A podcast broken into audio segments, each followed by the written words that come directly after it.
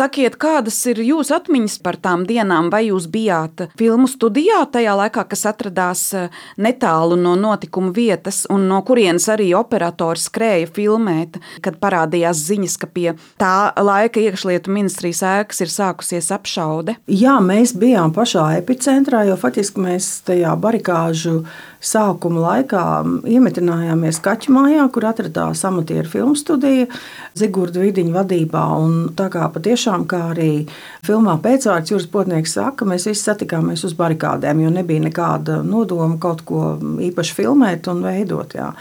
Un tie notikumi vienkārši mums lika palikt kopā un lika filmēt, gājot uz dokumentālistiem notiek. Un tad nu, katrs atrada, kā savu roku pielikt ja, šim visam. Nu, tajā gaidīšanas laikā tas jau bija tāds traks laiks. Mēs kaut ko gaidījām, gaidījām nezinu ko. Jā. Mēs zinājām, kas bija noticis eh, Viļņā. Mūsu kolēģi vēl eh, Aleksandrs Demčenko un Andrijs Krenbergs eh, joprojām uz to laiku atradās Viļņā.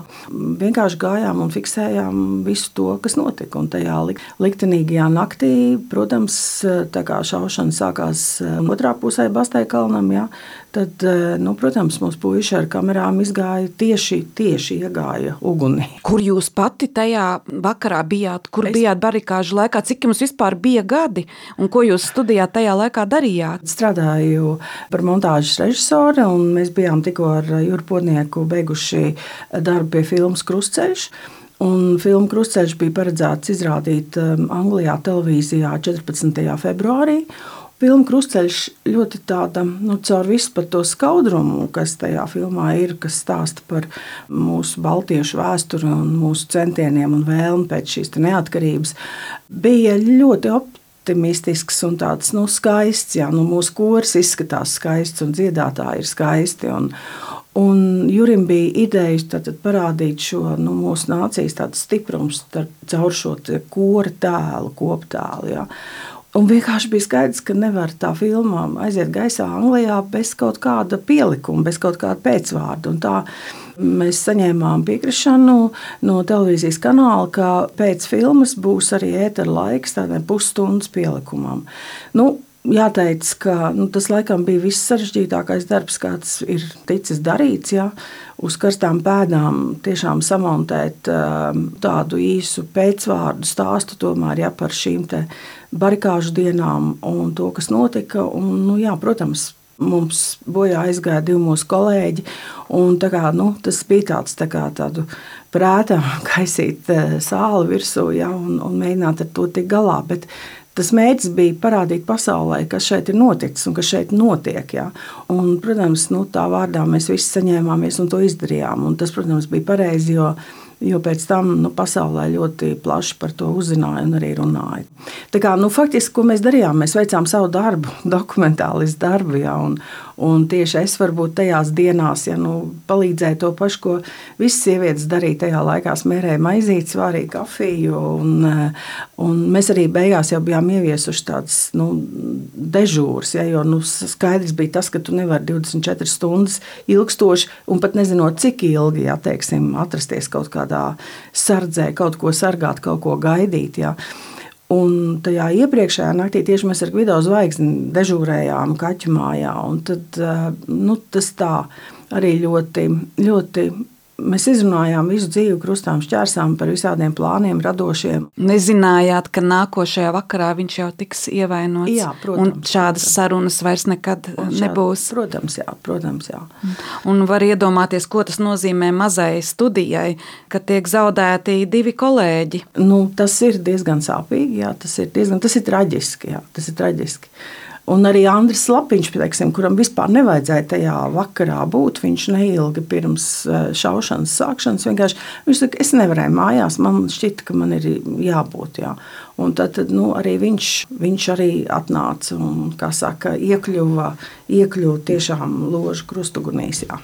Un tad leģendārie kadri, kas pārskrēja visu pasauli, kur viņš teica, filmē man es mirstu.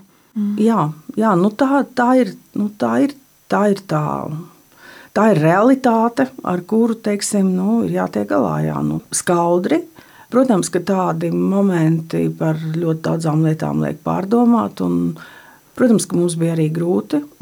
Pagāja ilgs laiks, kamēr vispār varējām runāt par kaut kādu nu, tādu rētu, nelielu aizaugšanu ja, un, un domāt par kaut kādiem citiem darbiem, bet nu, mums ar to nebeidzās. Mēs gadu vēlāk pazaudējām jūrijā. Kā kaut kādu tādu posmu nācās pārdzīvot, un piedzīvot un izdzīvot to, ko, to, ko tas visu deva. Bet nu, es domāju, ka pēc tam mēs tālāk varbūt ejam stiprāki ar kaut kādu citu nu, skatījumu, varbūt uz dzīvi un vērtībām un lietām.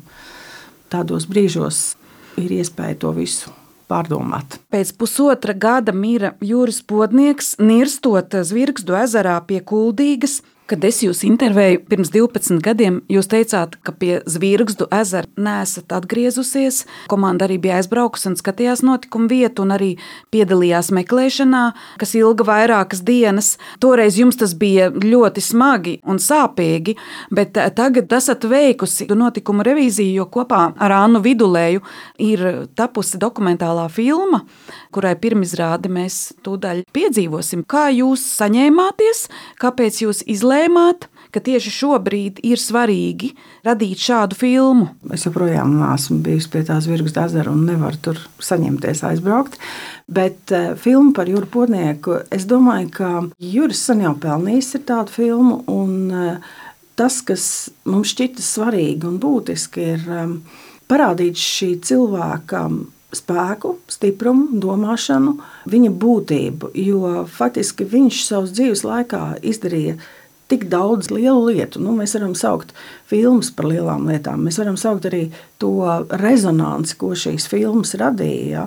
Un tas, kā tās filmas palīdzēja cilvēkiem tajā laikā, un palīdzēja tieši ko palīdzēja atvērt acis, sākt domāt. Ja? Un es domāju, ka tā ir ļoti, ļoti būtiska un svarīga lieta.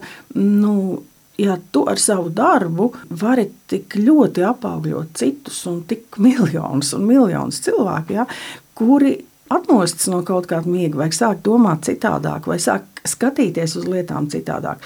Tas ir vienkārši unikāli. Ja? Un tāpēc man šķita, ka nu, jau ir tā jauna paudze, nākamā paudze, kuri nezina neko, kuriem nav šīs tiešās saiknes ar jūru podnieku.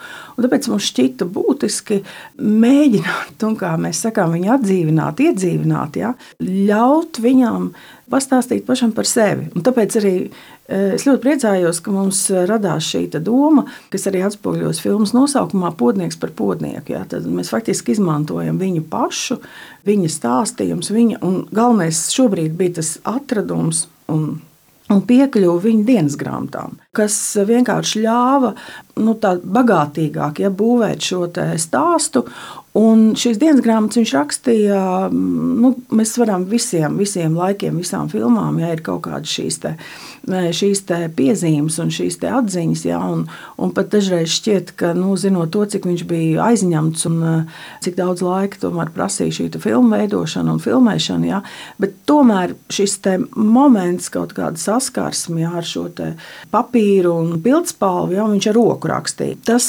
tomēr, tas tomēr notika ļoti regulāri. Ja, un, un ļoti pamatīgi. Un tās lietas ir tādas, kur tiešām, nu, ja varbūt eh, publikai ir eh, būt eh, priekšstats, nu, jūras podnieks, viņš visu zina, visu gudri runā, skaisti runā un interesanti viņā klausīties, tad varbūt tajās piezīmēs un tajās dienas grāmatās mēs jūtam to, nu, to otru to būtību, ja, kur ir šīs šaubas, kur ir šie meklējumi, ja, kur ir šie jautājumi, ja, kas, protams, nu, dod to tālāko atkal nu, kaut kādu izlaušanos, ja tās atziņas tajās filmās un tajos darbos, ko viņš ir darījis. Tāpēc, jā, varētu teikt, cilvēks, viņa misija un kā viņš šo misiju izpildīja dzīvē. Un es domāju, ka tas no vienas puses interesants vienkārši stāsts, no otras puses interesants tāds atkal atmetiens atpakaļ laikā, mūsu nesenajā salīdzinošā vēsturē. Juris tātad dzīvoja nu, tādā ļoti trauksmainā laikā, dzimis 1950. gadā un aiziet bojā 1992. gadā. Ja, tad tā ir padomju absolūts stagnācijas laiks, ja, tas ir atmodas laiks, tas ir faktiski impērijas sabrukuma laiks. Ja, tas ir tas, kā mēs redzam, skatoties tajās arī filmās, un kā, ko viņš ir darījis, ka nu, mēs jūtam, kā šie, kā šie lielie jautājumi ir izgājuši cauri šim vienai tādai cilvēku dzīvei, un kā viņš to ir spējis par to arī spējis runāt uz citiem jā, un, un, un, un šo sarunu veikt. Un es domāju, ka tas ir bijis ļoti auglīgi, ļoti labi. Tas, kas ir pats paradoxālākais, mēs atkal esam nonākuši kaut kādā punktā, kad atkal teiksim, krievu tanki mums vienkārši ir galvās visiem, un mēs redzam ekrānos. Un, Un faktiski mēs atkal varam sākt runāt par to, jā, nu, par to pašu, jā, par šo ļaunumu, par šo vēlmi pakļaut citus, iekarot citus.